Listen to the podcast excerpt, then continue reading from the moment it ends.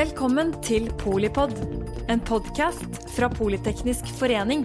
Et kunnskapsbasert medlemsnettverk for bærekraftig teknologi og samfunnsutvikling. Makt og myndighet vipper tech ut nasjonalstaten. Og ifølge da disse samme teknoselskapene som vi nå skal gå litt etter i sømmene, så uh, hagler det inn på våre egne sosiale medier om, uh, med spørsmål om hva er egentlig uh, en gigant, hva er egentlig en nasjonalstat, hva betyr makt, har noen noen gang hatt myndighet som ikke også har hatt makt? Så dette engasjerer. Velkommen til Politeknisk forening nå tirsdag morgen. Det er, mitt navn er Mette Vågnes Eriksen, jeg er generalsekretær her. Mange har jeg sett før. Velkommen til dere nye. Vi har 14 faglige nettverk i Politeknisk forening. Vi er 167 år gamle. Det er rett og slett ingen som slår oss på innhold og historie. Og vi er i ferd med å revitalisere oss for å også skape fremtid.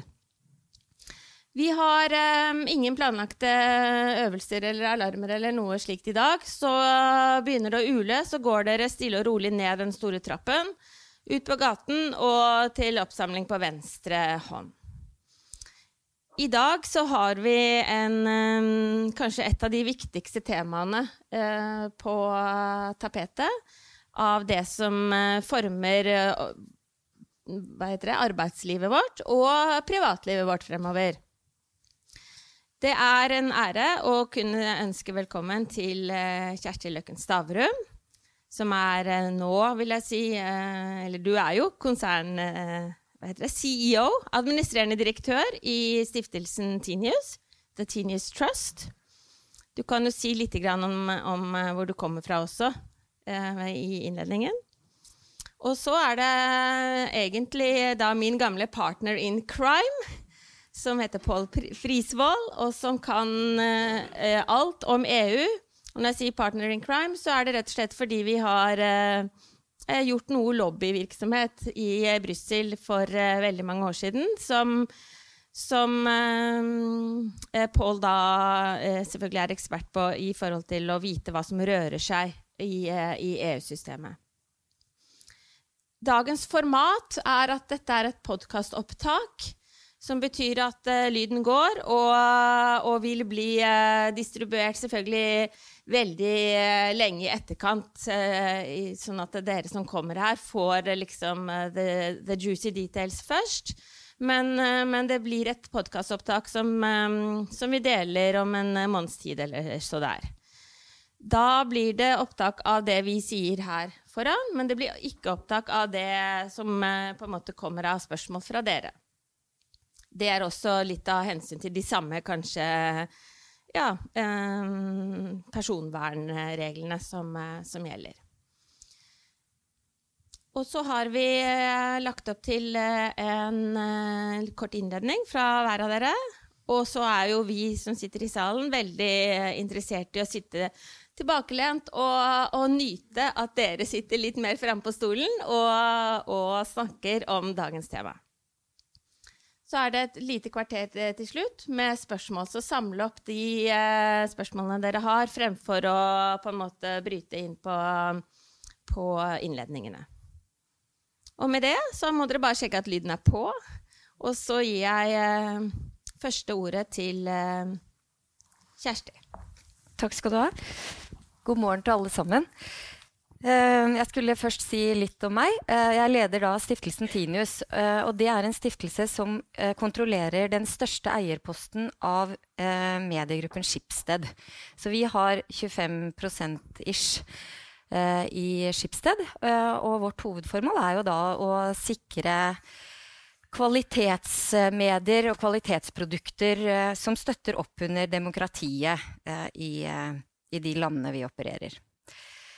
Uh, og når vi nå skal snakke om makt og myndighet og hvorvidt tech uh, undergraver det nasjonale, så, så, tenkte jeg skulle dra fire resonnementer eller fire punkter i mitt resonnement uh, for hvorfor jeg mener at vi må, vi må følge litt med i timen. Og utgangspunktet er jo selvfølgelig demokratiet, eh, som vi eh, ofte og for enkelhets skyld sier at det er at alle har en stemme. Og det er jo helt riktig. Når alle kan stemme, så er det på en måte et demokrati. Men demokratiet forutsetter ytringsfrihet. Fordi at indirekte så er det ikke noe poeng med demokrati hvis ikke vi foretar opplyste og informerte valg. Eh, og det er der eh, jeg mener at vi kanskje har kommet litt skjevt ut på det nasjonale. Så det er altså det første.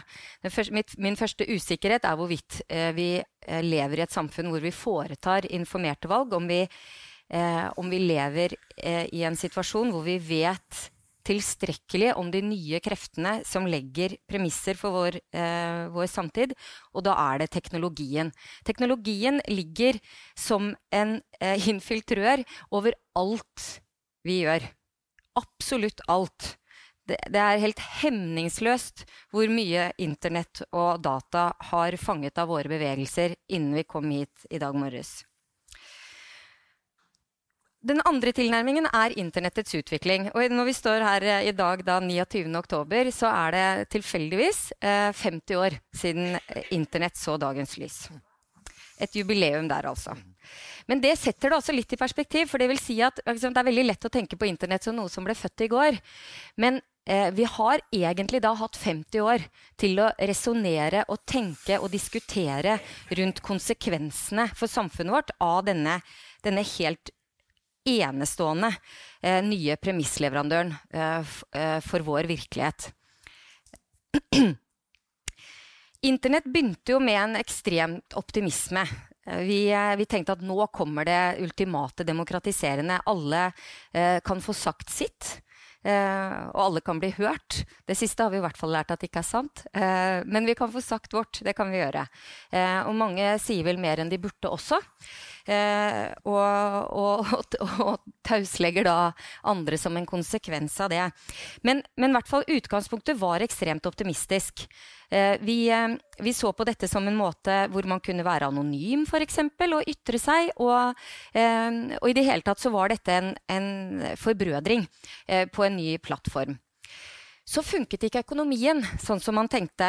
Eh, og da husker vi alle disse børsboblene. ikke sant? Det var en, også en ekstremt økonomisk optimisme knyttet til hva internett skulle bringe av verdiskapning. Så sprakk disse boblene én etter én, eh, og det ble en veldig telling i bånn. Man, man, måtte prøve å finne en måte å lage en eh, sant, Hvordan kunne nettet verdiskape? Og da kom man opp med en ny verdienhet. Og det var hver enkelt av oss. Det var deg og deg og det har snudd lønnsomheten i nettet, men det har også endret grunnleggende hvordan nettet fungerer for, for, hver og en av oss. Nå er nettet blitt en overvåkingsøkonomi, hvor det vi deler, uh, og det som blir fanget opp, det omskapes til eh, annonser eh, og til støttevirksomhet som de store gigantene tjener på. Eh, I Norge så har vi jo denne utrolig festlige, gamle vitsen som, som jeg ser at mange her er gamle nok til å huske. Nemlig når eh, Harald Eide Steen er den der russiske ubåtkapteinen ikke sant, som blir eh, tatt i, i norske farvann. Og så, eh, og så, sier han at man kan ikke se den grense under vann. Eh, og det kan man ikke, men man kan ikke se den grense over vann heller lenger. Ikke sant? Internettet er, eh, har gjort verden grenseløs, og også hemningsløs. Eh, og det, eh, det, er noen konsekvenser av det eh, som, som sprenger nasjonalstaten. Eh, og det er jo ikke noe tvil om at de gigantene som, som opererer i vår hverdag, de eh, har makt. Men de har ikke myndighet. Ikke myndigheten sånn som vi trenger den. Og når vi ser nedsidene ved dette internettet som ikke er så formfullendt som vi kanskje trodde at det skulle være da det etter hvert tok fart f.eks. rundt 94 eh, Så vi trenger fortsatt myndighet til å operere disse eh, gigantene. Da kan vi jo bare skru klokka noen dager tilbake, hvor eh, Mark Zuckerberg er i Kongressen for å gjøre rede for eh, sitt nye initiativ, Libra. Vi skal snakke mer om det etterpå, så jeg går ikke veldig dypt inn i det. Men, eh, men, det er jo ikke noe tvil om at det vil være som en slags eh, bombe under hele sentralbanksystemene våre. Eh, og det tok jo liksom akkurat to sekunder før den franske sentralbanken skjønte det. Eh, og så ble det masse bråk. Men vi skal, vi skal si mer om det etterpå.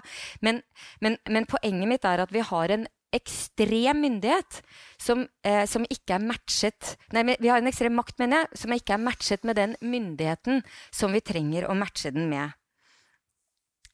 Eh, fordi at i Norge eh, så er det nasjonale nivået vårt øverste demokratiske nivå. Det er, det er, opp dit vi stemmer.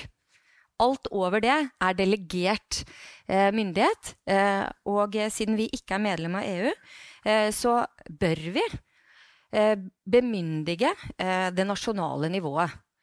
I den forstand at vi bør ha opplyste, informerte samtaler på det nasjonale nivået.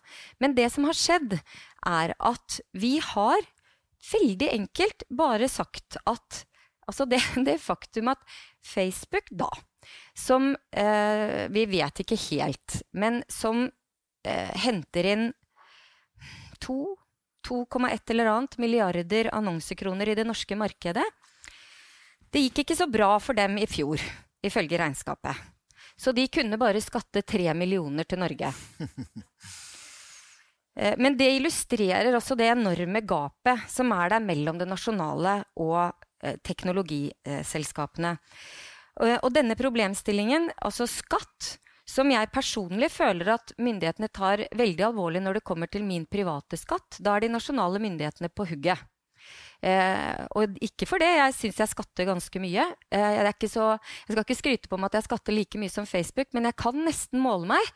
Eh, og det er jo groteskt i seg selv. Eh, men når det kommer til disse store pengene, så har de nasjonale myndighetene abdisert i den grad de vurderte å være på banen. Det vippet de rett opp til OECD. Eh, OECD kom med en rapport nå for eh, knappe to uker siden eh, i et forsøk på å liksom, lage en løsning for dette. Så er vel vi litt i tvil i stiftelsen om hvorvidt det kommer til å eh, føre fram. Men de skal ha for at de har levert en løsning.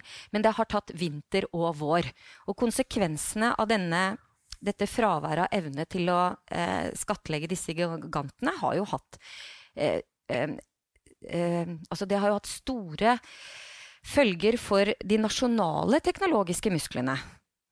Det skal vi også si litt mer om etterpå. Men i bunn og grunn så er det sånn at fordi våre nasjonale politikere ikke har kunnet hente, og ikke har vært interessert i å hente stemmer i dette diskusjonsområdet, så har det heller ikke vært ført en nasjonal teknologisk diskusjon. Vi har ikke hatt en ordentlig samtale om dette at, vi, dette at vi har så sterke aktører som tapper samfunnet vårt for data og derfor lager et inntektsbein som vi ikke får skattlagt, som jo er hele premisset for vår velferdsstat, og sånn sett også for et velfungerende demokrati, eh, det har vært borte. Eh, og det eh, er det jeg mener med at, eh, tek at teknologiselskapene eh, visker ut det nasjonale. I tillegg så har vi også gjort oss avhengig ikke bare av EU, men av Margrethe Vestager, faktisk. Det er hun som har kjørt løpet når det kommer til konkurranse, skjeve konkurranseforhold eh, opp mot disse selskapene.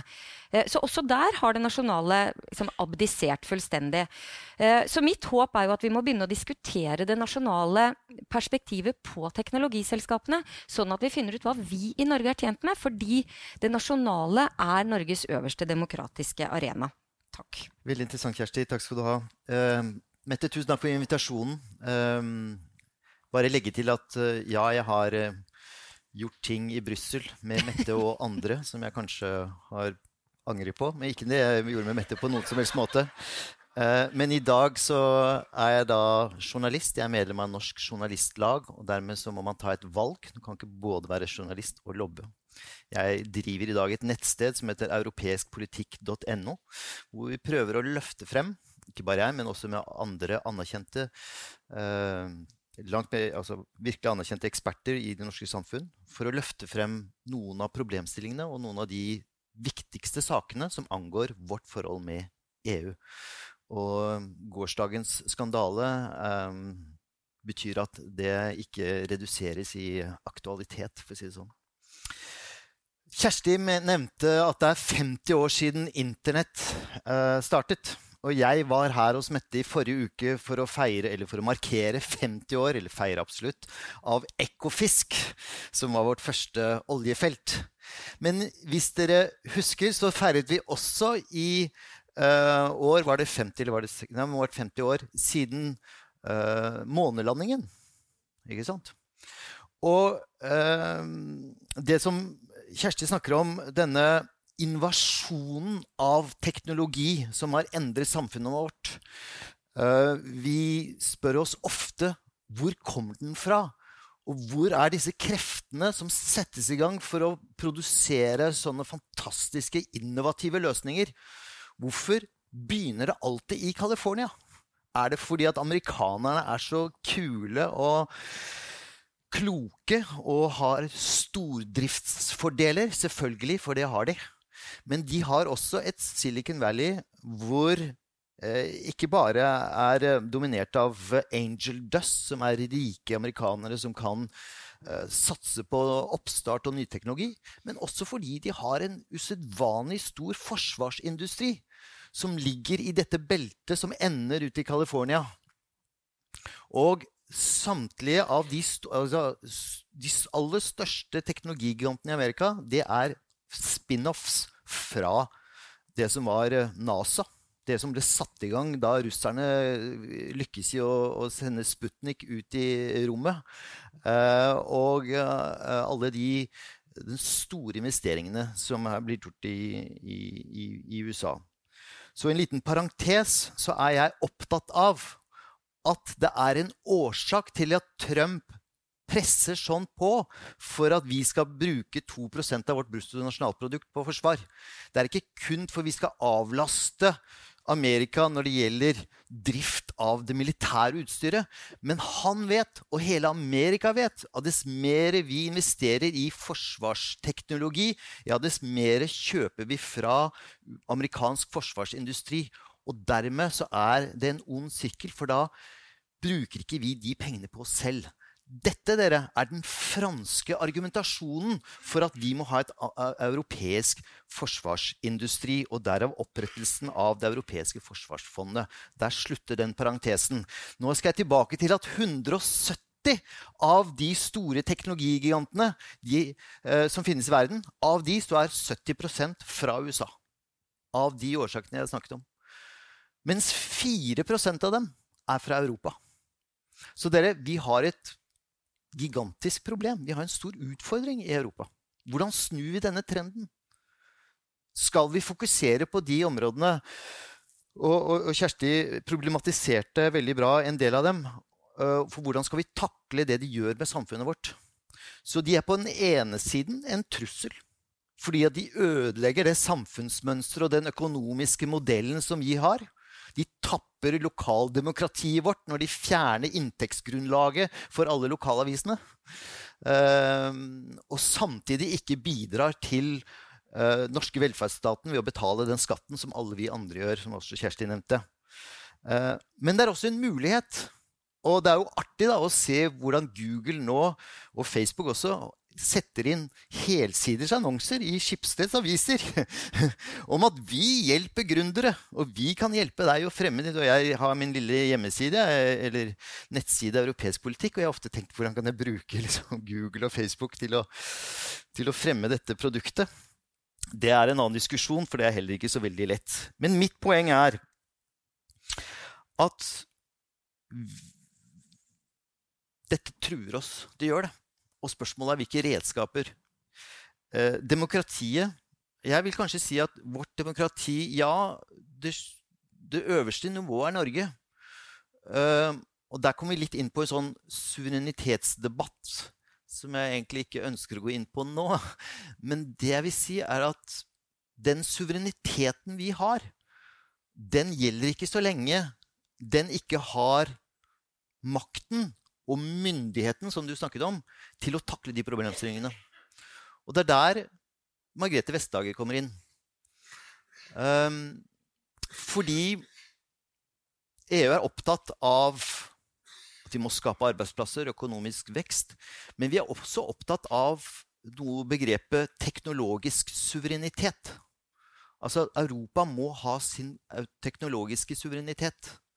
Fordi at de nye teknologigigantene manipulerer samfunnet vårt og økonomien vår. Og det kan vi kanskje gå inn på etterpå hva, hva detaljene er. Men jeg skal gi ett eksempel som er, som er veldig viktig. Fordi eh, når det gjelder skatt, f.eks., så bruker da kommisjonen istedenfor å skulle tette skattehullene til disse teknologigigantene og, å bremse opp for såkalt skatteoptimalisering, som er helt umulig. Fordi ethvert stort selskap har et, en enorm hær av skatterådgivere som alltid vil sørge for at de setter opp noen modeller som gjør at man ligger foran regelverket. Men nå har eh, kommisjonen snudd og sagt at ok, den banen går vi ikke. Også fordi at EU har ikke myndighet på skatt. Det er hvert nasjonalstats eh, ene og alene uh, myndighet. Men vi bruker statsstøttereglene. For når Apple uh, f.eks. kanaliserer all inntekt til Irland og ikke betaler noe skatt av salg av Apple-produkter her i Norge, ja, så er det faktisk en statsstøtte for de får en eh, fordelaktig eh, økonomisk situasjon fordi at de ikke trenger å betale skatt. Um, når det gjelder Google, så har de gjort en, en, en, også en viktig, viktig, ting som ble anledet av en norsk advokat. faktisk, um, Hvor Google, som tjener masse penger på de reklameinntektene Hva gjør de med den inntekten? Jo, den akkumuleres da i et lavskatteland på en stillehavsøy. Men når den formuen blir så stor så må de selvfølgelig investere de midlene. Eh, og det gjør de i andre bransjer. Faktisk er nå et eksempel Google en stor investor i europeiske hotellvirksomhet. Hvis du går inn på Google og søker deg på hotell i Paris, så av en eller annen tilfeldighet så kommer da Googles egen hotell opp først. Og dette er det vi kaller for misbruk av dominerende posisjon i markedet. Google kan være dominerende på en søkermotor, som, de er, eh, som, som, er deres eh, basiskonsept. Men hvis de bruker den markedsmakten for å promovere andre pro produkter som er i konkurranse med andre uh, aktører, ja, så, så, misbruker de sin, uh, sin stilling. Og dette, og det skal jeg avslutte med jeg nevner det eksempelet fordi det er en sak som har versert veldig lenge i EU og i Brussel. Uh, og som Google har fightet med nebb og klør i det europeiske rettssystemet. Og det vi alle sa da denne saken begynte å rulle opp for kanskje ti år siden, at hvor er amerikanske myndigheter? Hvorfor har ikke denne saken blitt tatt opp? Altså, vi som elsker Obama, der, der, der det, det overså han totalt. Og det er litt interessant. Fordi at det er faktisk Hvis vi ser på hvordan amerikanske myndigheter har forholdt seg til amerikanske teknologigiganter, så har de alltid backet dem opp.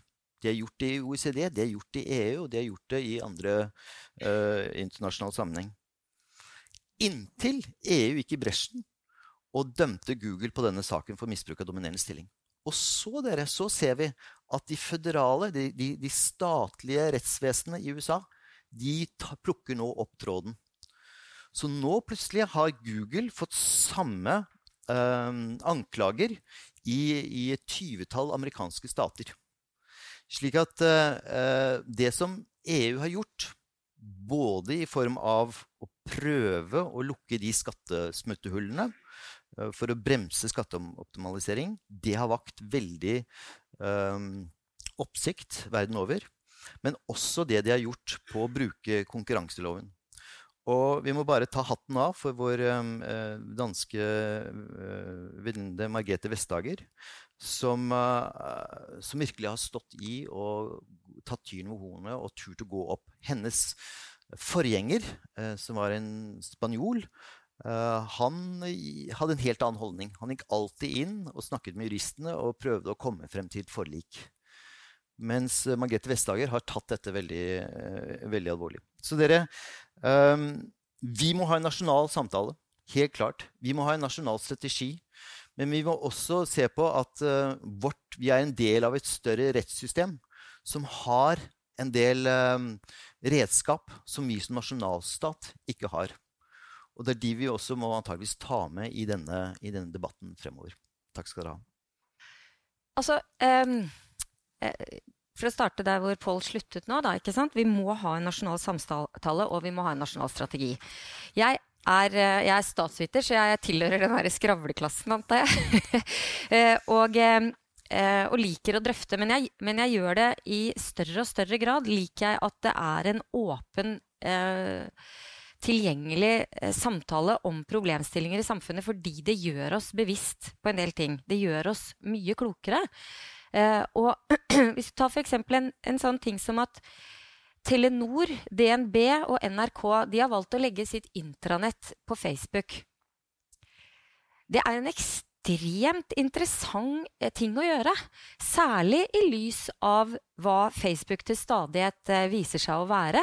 Altså, eh, Zuckerberg sa det selv i Kongressen i forrige uke. Jeg skjønner at jeg ikke er kanskje den beste budbringeren av disse budskapene når det kommer til å lage en ny currency. ikke sant? Og det, det, er jo veldig interessant, og det er jo, helt, det er jo et faktum jo, Facebook har jo vist seg å være et ekstremt problematisk selskap som ikke har kontroll, eller som heller ikke kanskje ønsker å ha kontroll på, eh, eh, på det de driver med.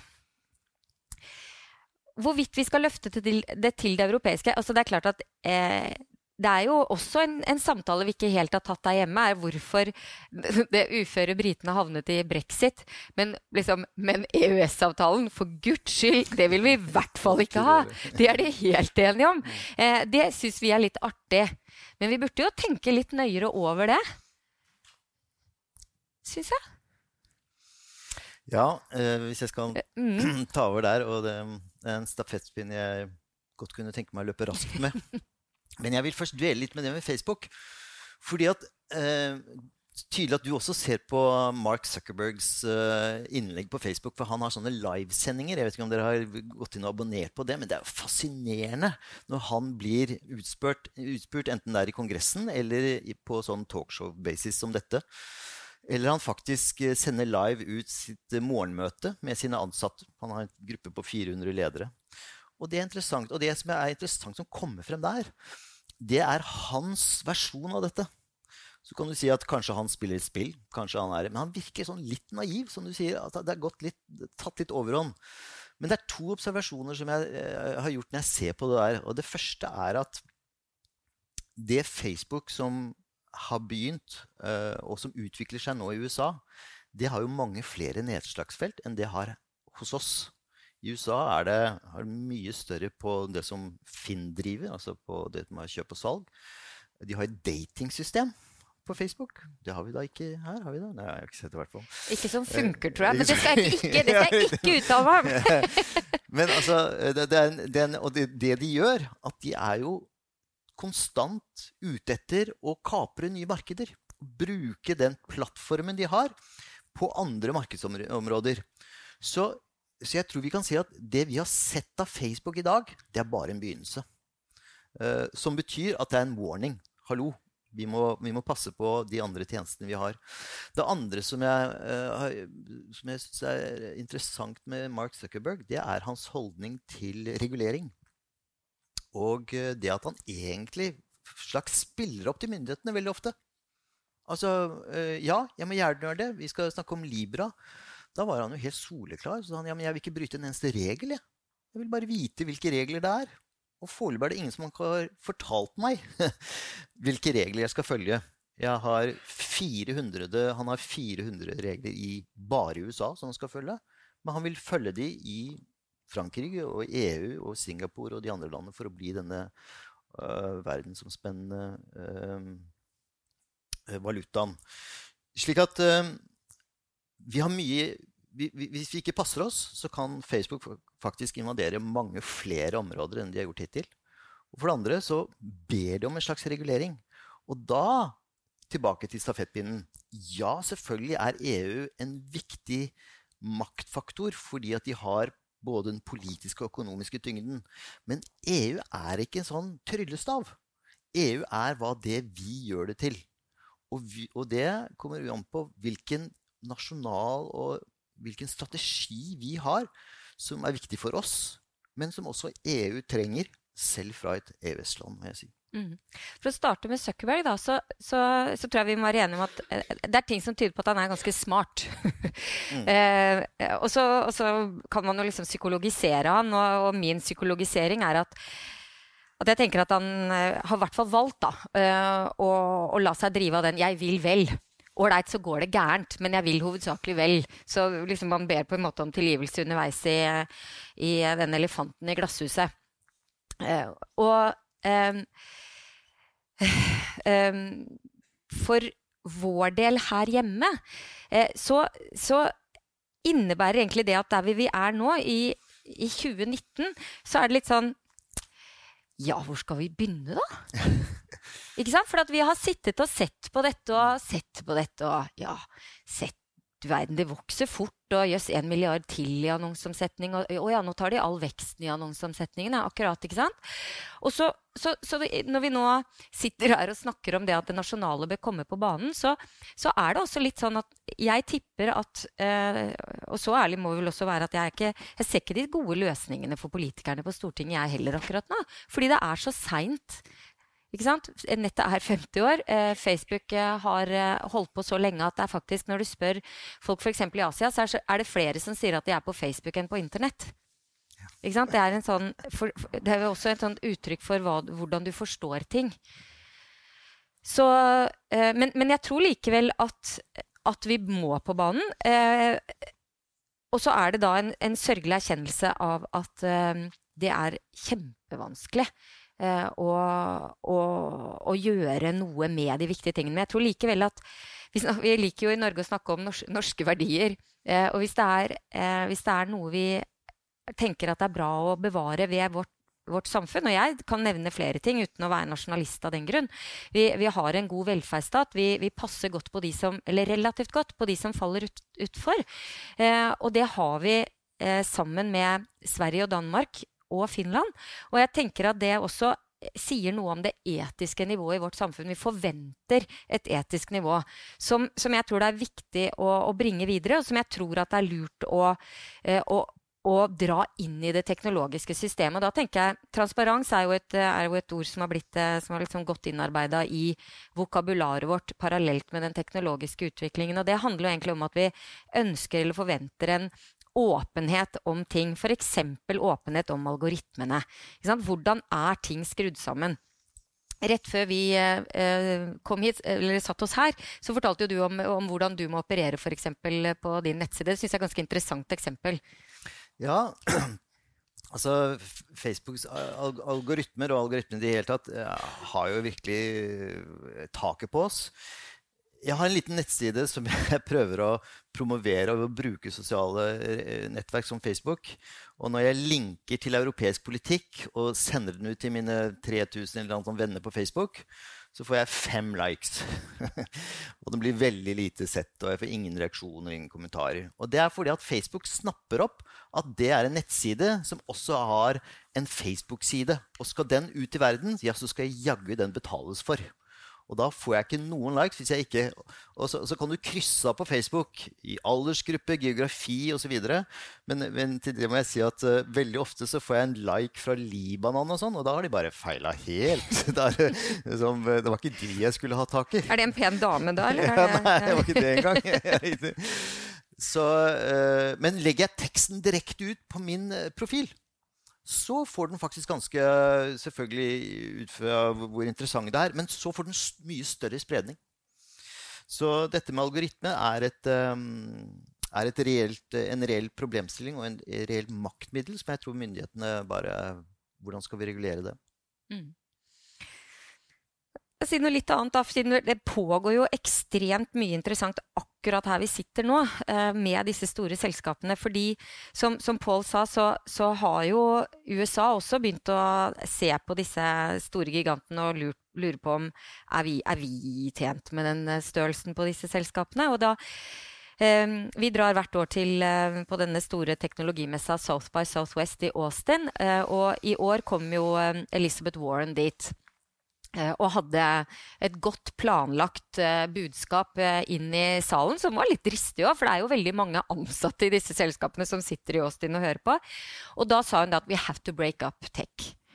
Eh, og og resonnementet hennes var egentlig liksom, helt åpenbart. Dette er aktører som f.eks. til Amazon. Da, de er en plattform hvor, de, hvor, hvor, jeg, hvis jeg driver en liten bedrift, da, kan legge min bedrift på denne teknologiske plattformen, men de er selv også aktør.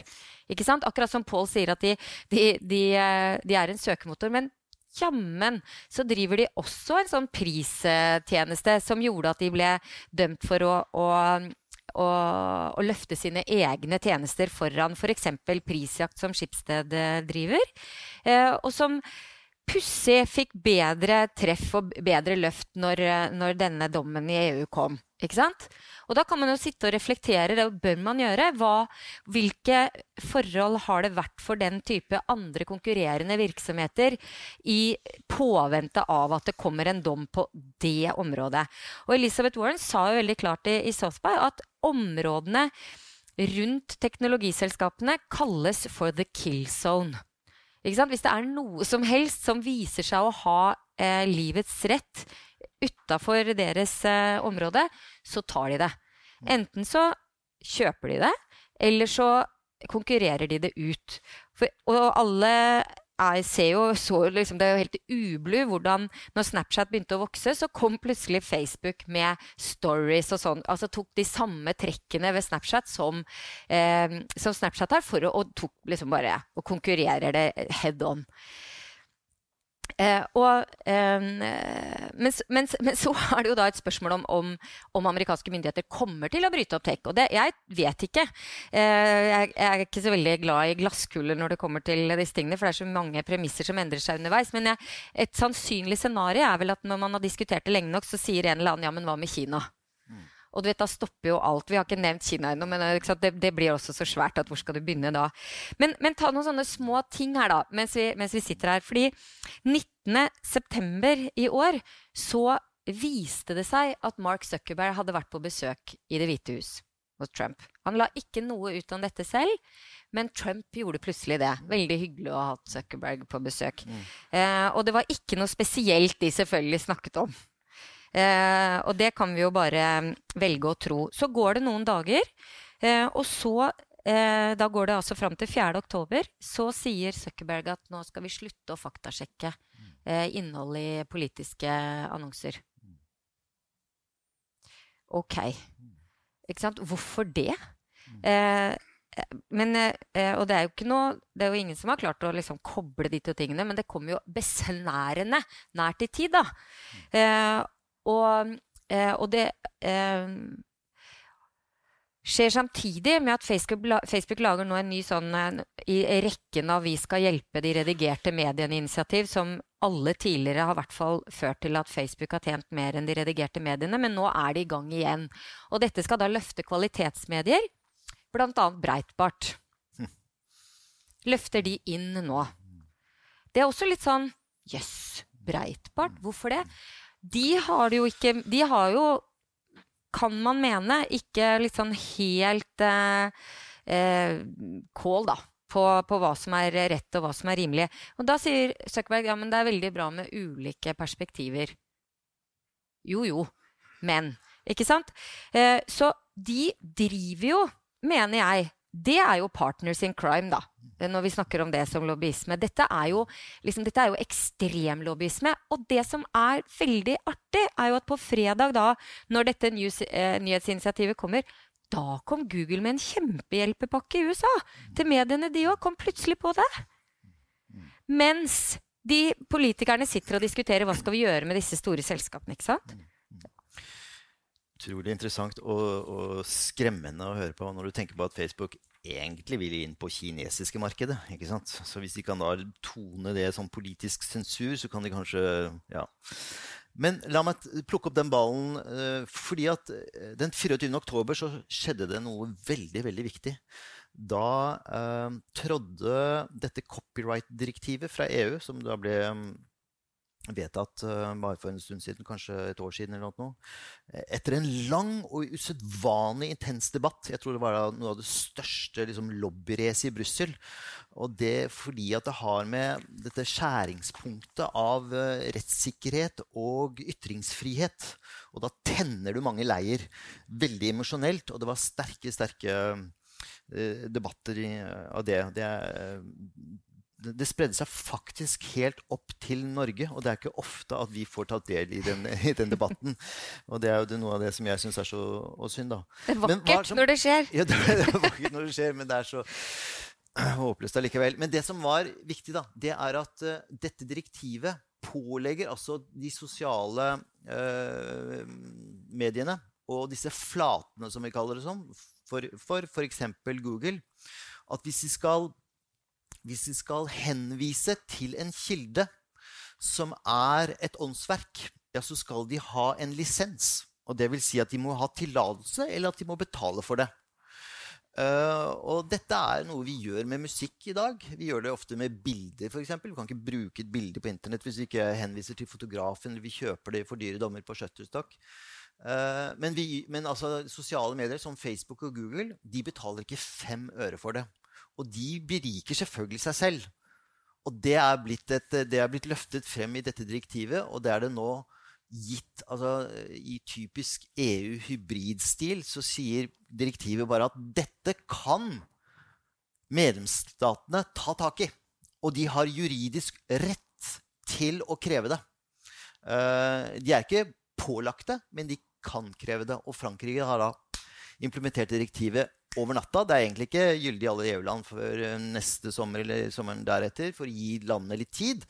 Men dette er viktig for franskmenn, fordi at de føler også dette på kroppen, som Schibsted gjør, og norske aviser og lokale aviser, at de blir tappet for inntekter. Uh,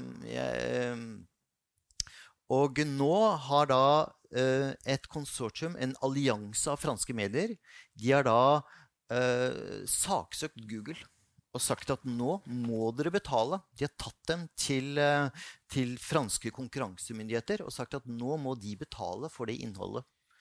Eh, det nekter selvfølgelig Google for. Og ganske litt sånn eh, parallelt til det Kjersti forteller, plutselig har nå Google lagt opp til en strategi hvor de skal hjelpe lokalmedier. De skal jobbe for å utvikle kvalitetsjournalistikk i Europa. Ja, veldig bra. Men vi ser jo et mønster i dette her. At dette kommer eh, etterpå for, å, for en sånn ren lobbystrategi. For at ikke de skal velte det som er hovedaktiviteten deres, og som er deres pengebinge, nemlig gratis bruk av andres kilder.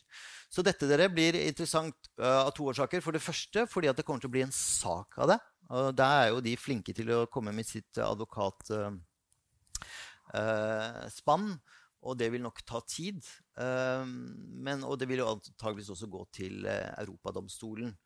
Eh, men de har vist at de kan eh, akselerere den eh, prosessen når det, er, når det, er, viktig. Og det andre blir selvfølgelig, og da er vi tilbake til det som vi snakket om, hva vil Norge gjøre? Hva vil norske myndigheter når vi skal implementere og gjennomføre den rettsakten i Norge? Hvilken linje vil vi legge oss på? Og fantastisk interessant, jeg må bare nevne denne boken Uh, rødt lys av Marianne eh, Martinsen og Marie Valberg. Det store skatteranet. Eh, et, et, slags sånn leksikon om hva som skjer i, i verden når det kommer til skatt og skatteunndragelse. Men det som jeg syns er mest interessant og re relevant for denne debatten, det er at det er en, kanskje en litt forvirrende beskrivelse av arbeidsfordelingen internasjonalt. Og det er der ditt resonnement eh, liker jeg godt. Dette med Vi må kanskje trekke opp en sånn eh, inventar for hvem er ansvarlig for hva, og hvem kan gjøre noe med hva. Mm. For i dette mylderet av eh, og som disse teknologigigantene selvfølgelig utnytter fullt ut, så er, det, så er, det, lett å gjemme seg bort. Og det er lett å, å, å lure disse organisasjonene. Den boken er veldig viktig. Den er, eh, det er et eksempel på eh, nettopp sånt vi trenger. Og den, eh, det er jo ikke, ikke, uvanlig at den kommer opp i disse samtalene, for da har vi noe å vise til. Så det viser jo også hvilket behov vi har hatt for at det kommer noe på bordet som vi kan diskutere ut fra et nasjonalt perspektiv.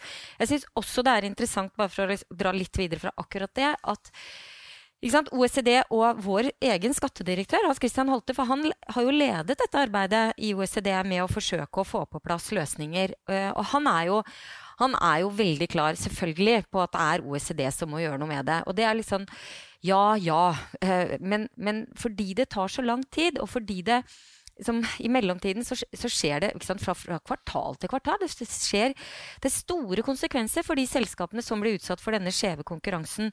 Så, så har jo da Frankrike Spania og England er jo blitt så utålmodige at de har selv lagd sine egne løsninger. Og det syns jeg er bra. Så var jeg i debatt med Holte i forrige uke, og det syns ikke han er så bra. Eh, men, men jeg tror, innbiller meg i hvert fall, at han, han kjøper likevel tror jeg, argumentet om at det har hvert fall fått litt fart i saken i OECD. da.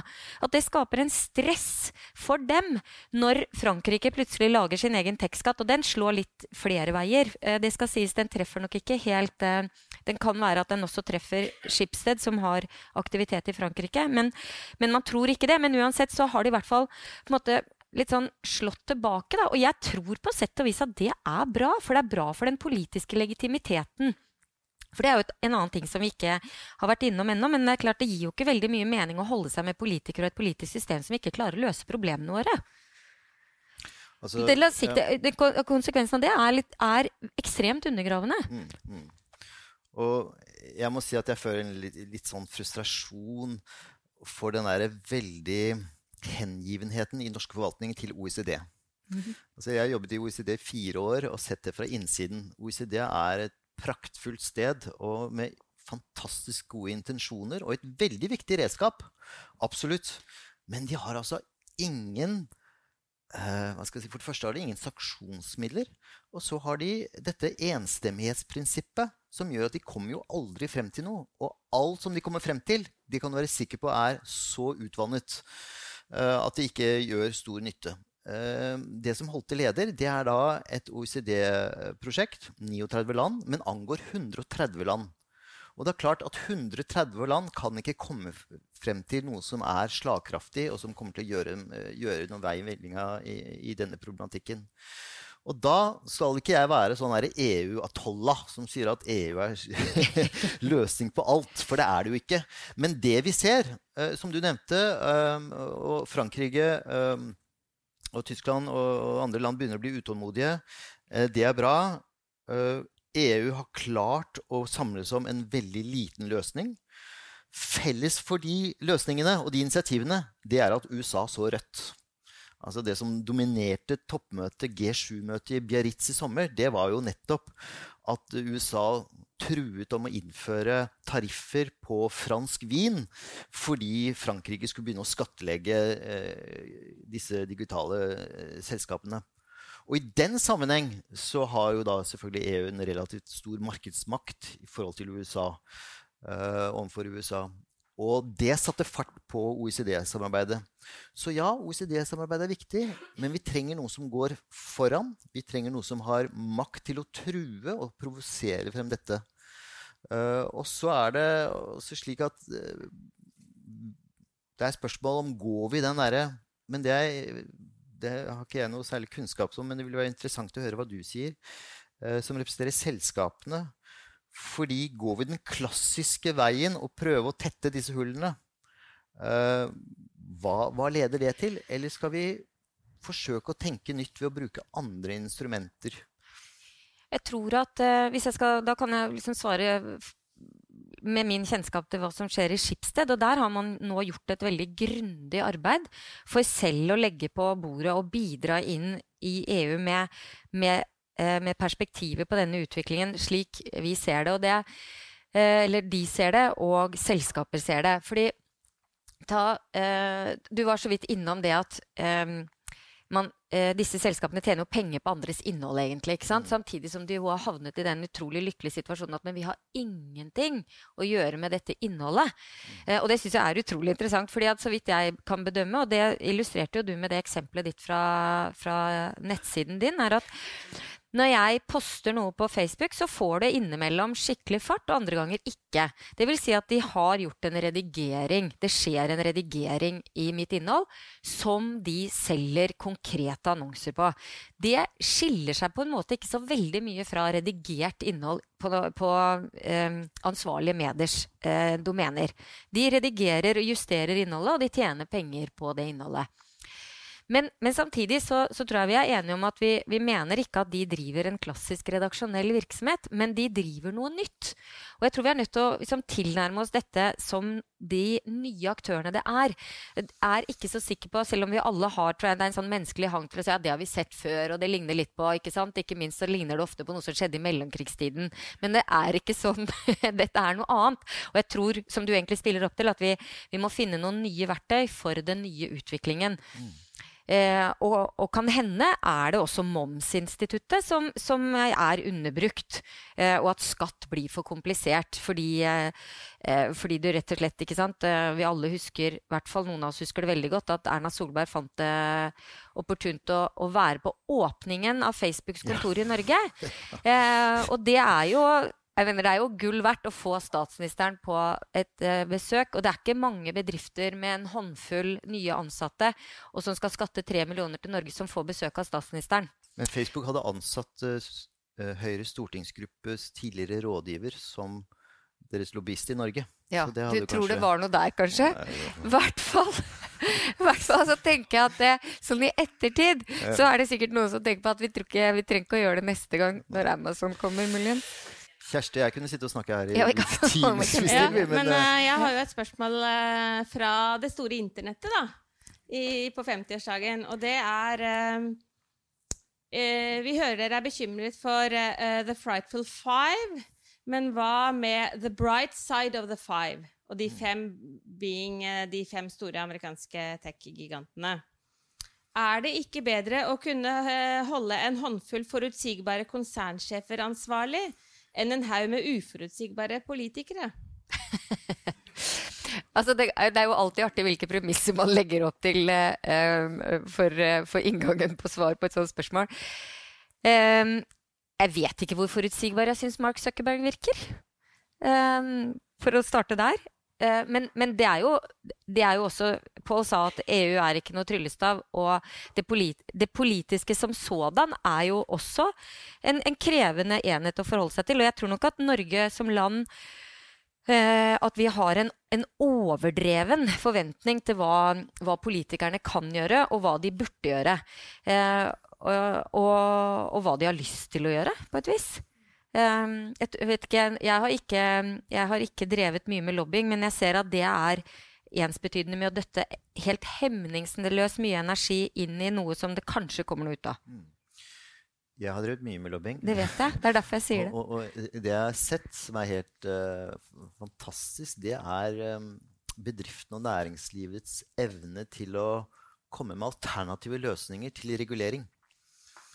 Um, veldig mange er åpne og sier at vi trenger klare rammevilkår osv. Men når det kommer til detaljert regulering, så sier vi ja, men la oss se på best practice. Hva? La oss se på uh, private, private, public partnerships og voluntary agreements. Og det, ikke, uh, det stopper ikke alle de, de uh, tiltakene som er veldig bra, og som man også ønsker for å få frem nye, nye businessmodeller.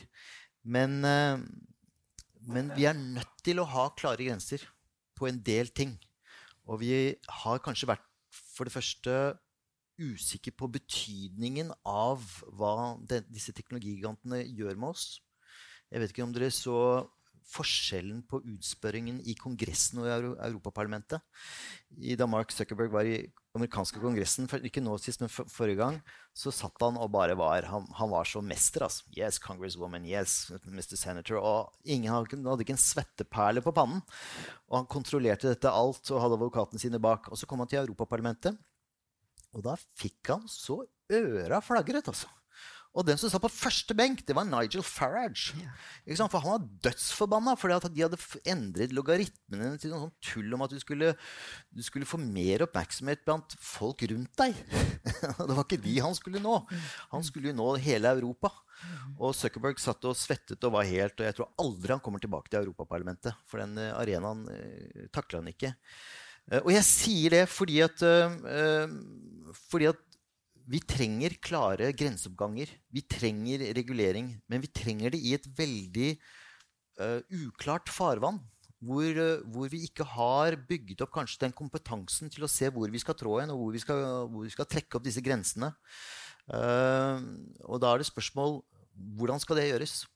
Selvfølgelig må det begynne på nasjonalt nivå. Selvfølgelig må vi sørge for at vi har sterke regioner som tar tak i det. Og så en dag så ender det opp i OECD og USA, men det, det blir om lang tid. Takker. Et uh, spørsmål til fra um, internettet.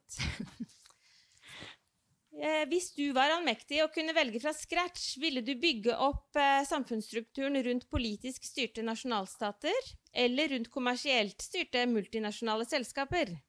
Og hva med de hybridene som de statseide teknologiselskapene er? Både um, forsvarsdrevet og kanskje da ikke minst fra statlige kinesiske teknologigiganter. Du er skikkelig statsviter, du. ja, hvem skal begynne på den? Altså um, Hvilket utgangspunkt tar man for å finne ut uh, hva er hva tenker man er litt sånn øverst i verdikjeden for et samfunn, da? Mm. Eh, og, eller, eh, og, da er det vel eh, Jeg har en veldig sans for ting som vi har valgt. Og at det er en, eh, det er en representativitet i det. Eh, og at den representativiteten utøves gjennom representativitet, og ikke det at du velger noen som selv velger hvilke, hvilke ting de ønsker å satse på, som det ville vært hvis du f.eks. fikk gleden av å stemme på en næringslivsleder som likevel hadde andre verdidrivere enn det å gjøre meg lykkelig eller gjøre livet best for meg. Så jeg tror nok at vi har et eh, Jeg tror nok ideen om demokratiet er det beste av en serie dårlige løsninger. Men, men, eh, men det er veldig viktig å være klar over at vi er i ferd med å komme alvorlig til kort mm. eh, i den eh, Eh, at den strukturen er i ferd med å komme alvorlig til kort i det samfunnet vi, vi, sitter og diskuterer nå. Og at det at Norge har valgt å, å, å stoppe sitt demokrati på det nasjonale og, og liksom bli på en måte reaktiv i forhold til EU uh, via EØS-avtalen, er jeg, ikke, jeg, liker ikke det fordi jeg liker demokratiet. Og, og så tror jeg at det er bra for et samfunn å ha ikke sånne Jeg tror det er farlig med som inngående reguleringer i næringer. For det ser vi jo også nå i, i disrupsjonens tidsalder, at det blir veldig for dysfunksjonelt. At du har lagt inn showstoppere og ting som, som gjør f.eks. Hvis jeg skal bruke fra den bransjen jeg kjenner godt selv, da, som hvor, hvor pressestøtten har vært knyttet til papiropplag. Mm. Det skjønner vi nå. At det kan jo føre til at du f.eks. kjører på papiret lenger enn du burde. Og det gjorde det.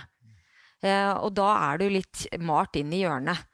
Så eh, eh, jeg kjøper ikke premisset om at eh, næringslivsledere er forutsigbare. Ja, men, jeg, men jeg er fortsatt, eh, som denne samtalen illustrerer, er liksom bekymret for eh, om vi klarer å, å, å, Om vi har et politisk valg, demokratisk nivå som er kompetent nok eh, og som er ansvarlig for oss når det kommer til denne delen av, vår, av vårt samfunn, som er altså det som påvirkes av globale teknologiselskaper, og om de er i stand til å gjøre noe med det.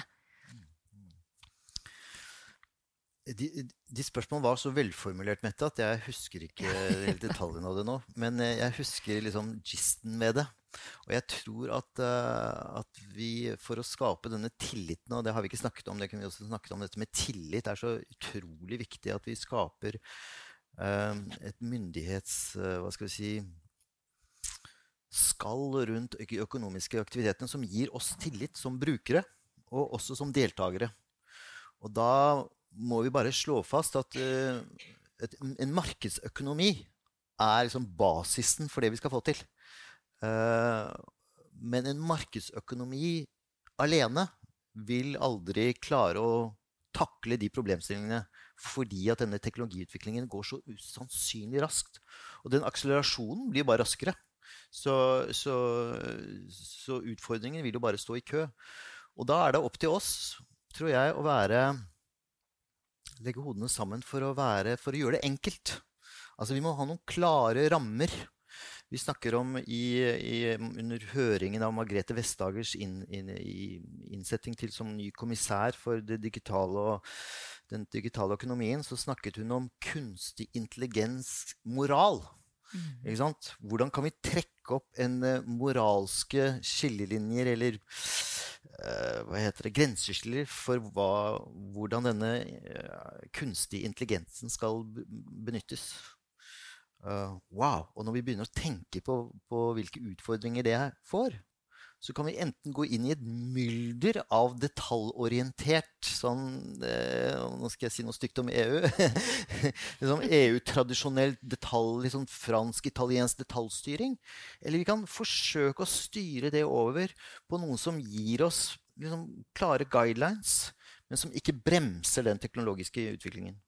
Hvor det er, det, er vår, det blir vår generasjons store utfordring. Ok, famous last words. I går eh, skulle jeg høre min 15 år gamle datter uh, som skal ha prøve i dag, i, i samfunnsfag, faktisk. Og da var det, da var det utrolig liksom, presise spørsmål. Det var sånn Hva er verdens lengste elv? Hva heter verdenshavene? Hva heter kontinentene? Hva slags klima er det i Sør-Amerika?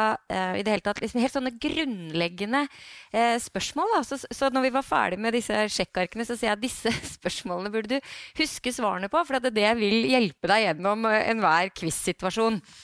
Eh, eh, og det er jo riktig. Samtidig så tror jeg at det, veldig mye av det vi sitter og snakker om nå, det er det så mye vi ikke vet om. Så hvis dere skal ha en spørsmålsrekke, så tror jeg jeg ville integrert liksom, Test deg selv. Hva vet du om? Hva er verdens største selskap? Hvem eier eh, Huawei? Eh, ting som vi, som vi burde burde vite, gitt den innflytelsen disse selskapene har på vår virkelighet. Og det er jo først når du ikke vet navnet på verdens lengste elv, at du blir bevisst på Herregud, så mye jeg ikke vet. Eh, eh, og der eh, Det er jo derfor, for å liksom knytte det eh, tilbake igjen Vi sitter her er jo for å etterspørre at vi må snakke mer om disse tingene. Vi må, liksom, vi må, vi, vi må vite hva vi ikke skjønner. Vi må få et bedre grep om, om dette. Fordi at, eh, fordi at eh, vi vasser i nettet og det, det digitale hele tiden. Eh, og eh, og det er som vi, Moren og faren min har bodd i Kina i mange år og har noen kinesiske venner. De var der, eller de har flere kinesiske venner som følge av det, men da de var der nå sist, så, så kunne de begeistring si at jeg vet du, nå er det sånn at vi slipper snart å låse døra. Storebror ser deg. Tusen, tusen takk til Pål Frisvold og Kjersti Løken Stavrum her i Politeknisk forening en tirsdag morgen. Som betyr at eh, vi snart kan ønske velkommen til en eh, quizkveld. Takk for hintet. Dere er herved da også medlemmer av Politeknisk forening. Takk for at du lyttet til Polipod fra Politeknisk forening. Få med deg flere episoder, eller bli med på nettverksmøtene som du finner på at polyteknisk.